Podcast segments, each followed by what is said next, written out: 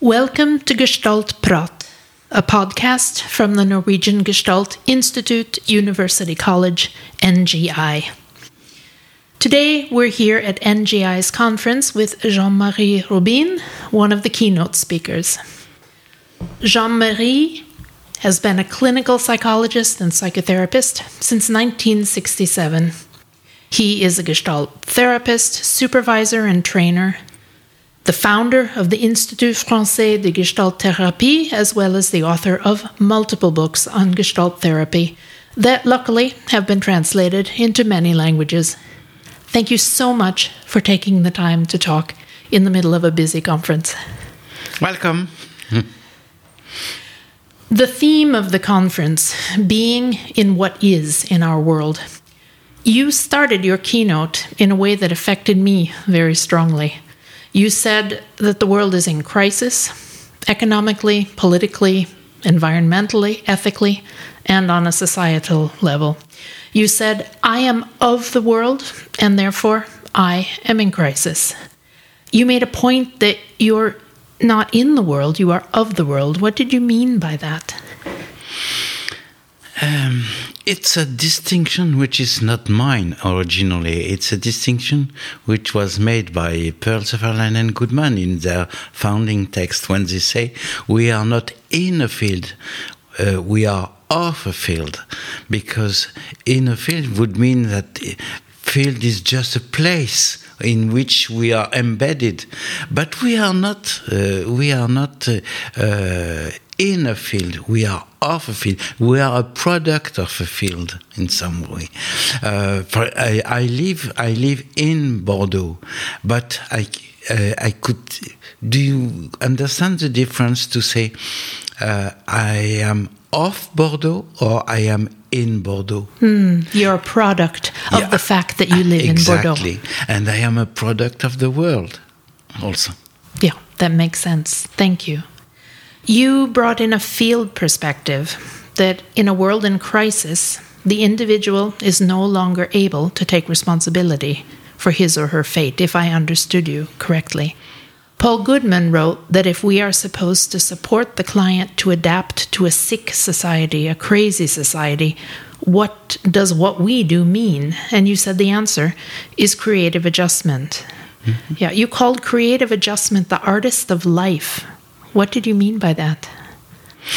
Uh, it's it's not exactly the creative adjustment which is the artist of life in the uh, in the words of Paul Goodman, it's the self, which is the artist of life.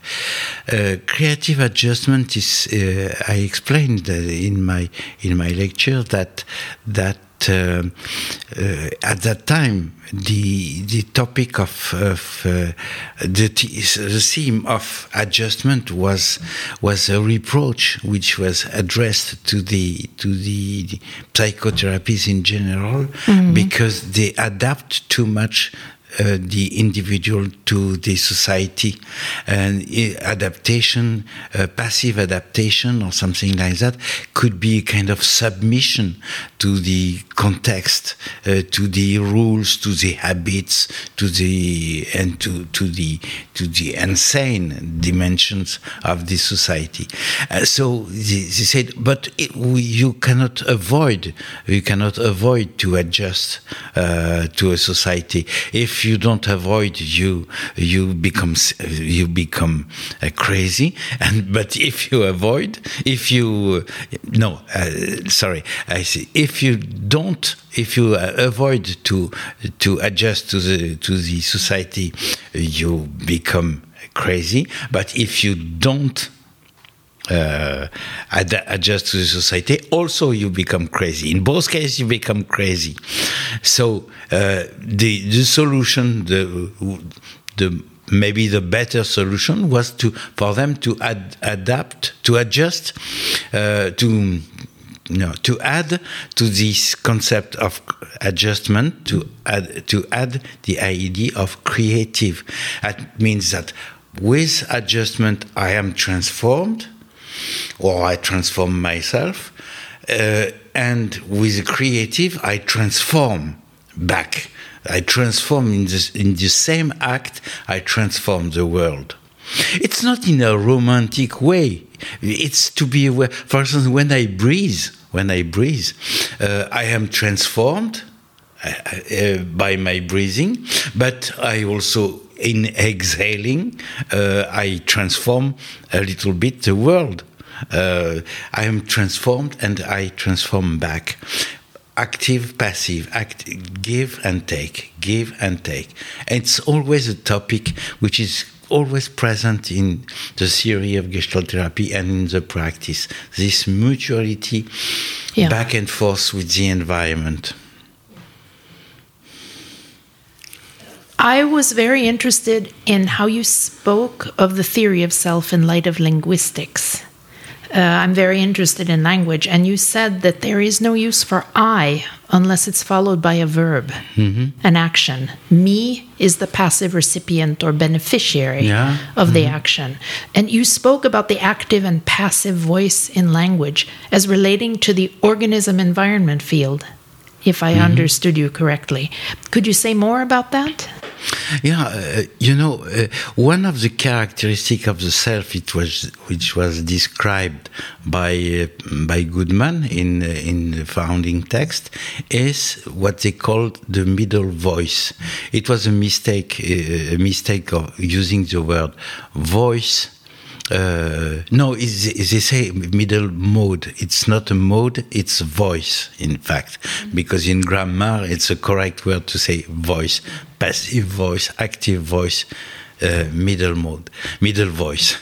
And mi the middle voice is the way that is, is a very specific way of, of uh, using the verbs you can, uh, uh, anybody uh, can recognize this this kind of using the verb, and the self is also middle vo middle voice.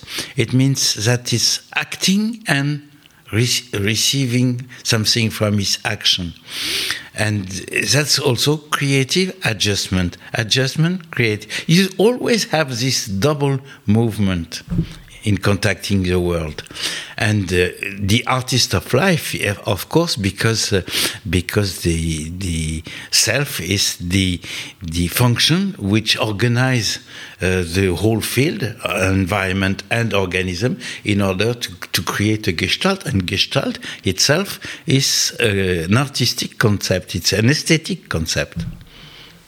So in this world in crisis what can we do as Gestalt therapists? How can we support our clients and ourselves to yeah. adapt, to uh, creatively adapt in a way that makes the contact with everything that's going on bearable? Mm-hmm.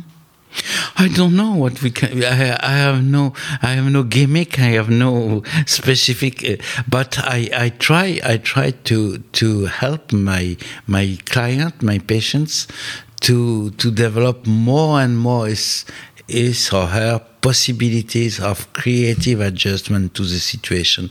Not to be not to be passive not to be not to be not to suffer uh, in front of the events. But of course he, he will uh, the client will suffer uh, he will be in pain, uh, especially if it is in the middle of the event.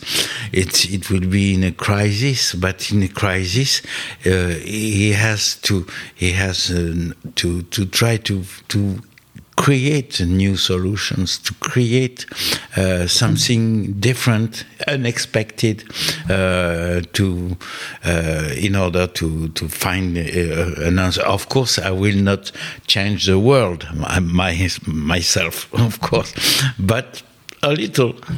Yeah, you speak about um, supporting clients not to be passive mm-hmm. that they have agency. And agency yeah. is a word you used very often yeah. in your mm-hmm. keynote. You brought up James Gibson's yeah. concept of affordance yes. to have the means to do something, the balance between agency and reaction. Yeah. And you spoke of restoring a balance between the environment's invitation and human agency. And you used the very clear metaphor of a chair could mm-hmm. you could you repeat that? Around me, there are a lot of uh, the, uh, one of the translation of the word uh, uh affordance that uh, was created by Gibson is uh, in, invi- invites. Invi- invi- in French, it has been translated by in, invites, uh, not in, almost the same as invitation, and and that's uh, of course it's an invitation but an invitation to what?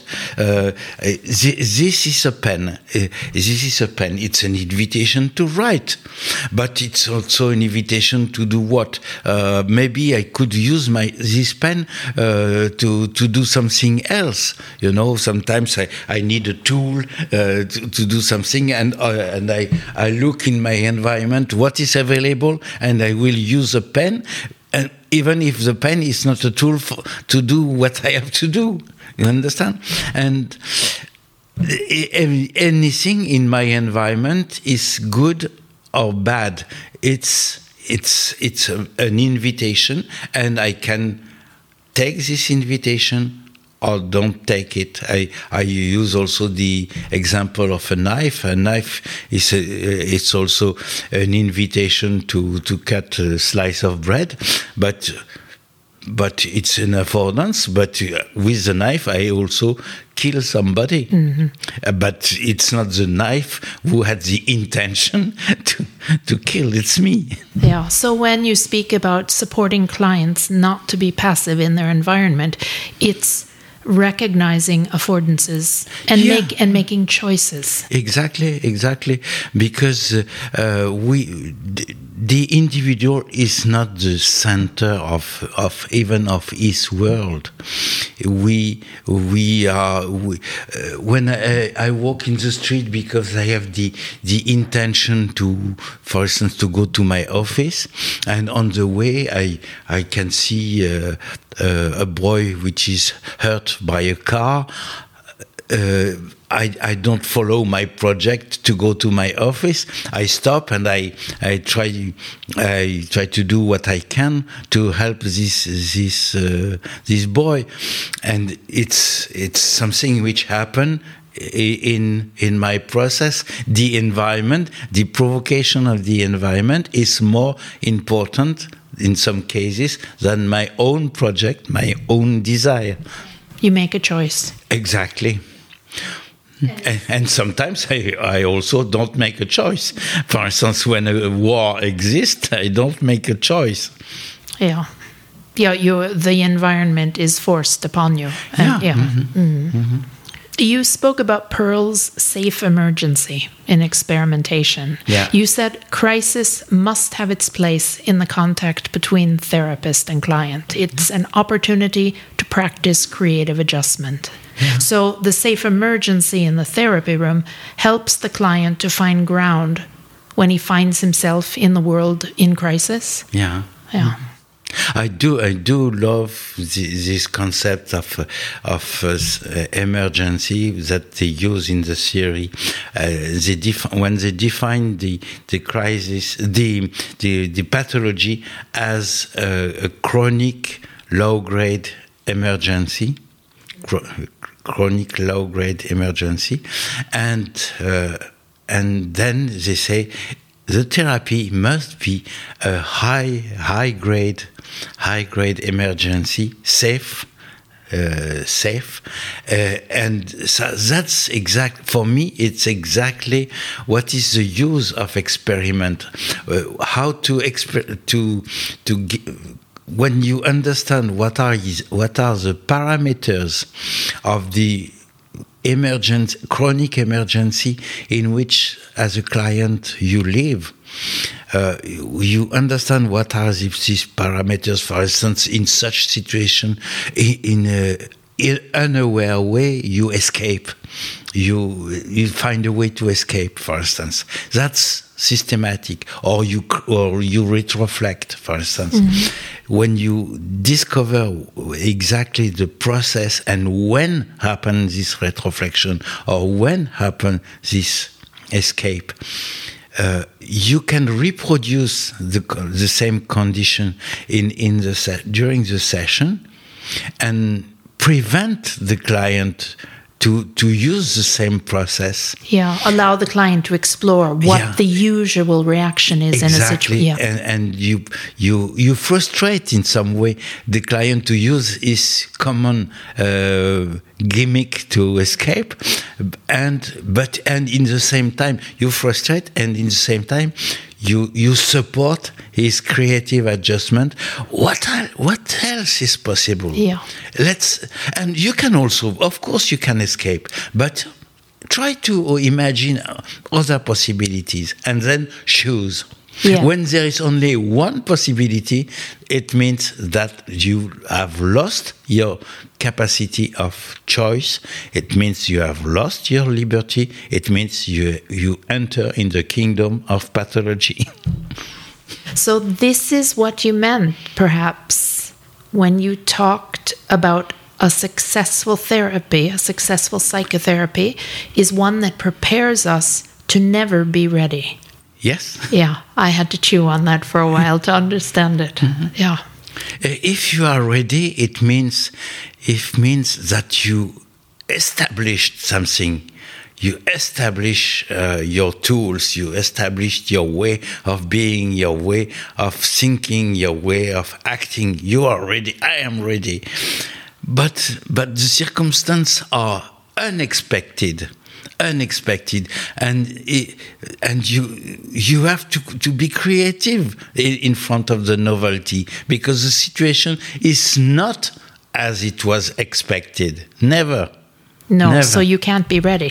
you, so Because you don't know. it's much more important not to be fixed, not to be ready, but to be ready to to create, uh, to uh, to uh, be being trained, being trained to uh, to have to creative response to the provocation or solicitation or circumstances. Yeah.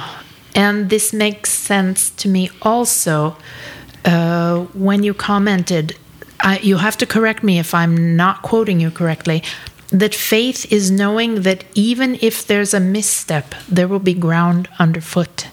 Yes, that's that's a, definition uh, of uh, Paul Goodman when he says, "Yes, faith for me," he says, uh, is the uh, the certainty, the, the security that having one more step, one more step, one more step, there will be a ground under my feet.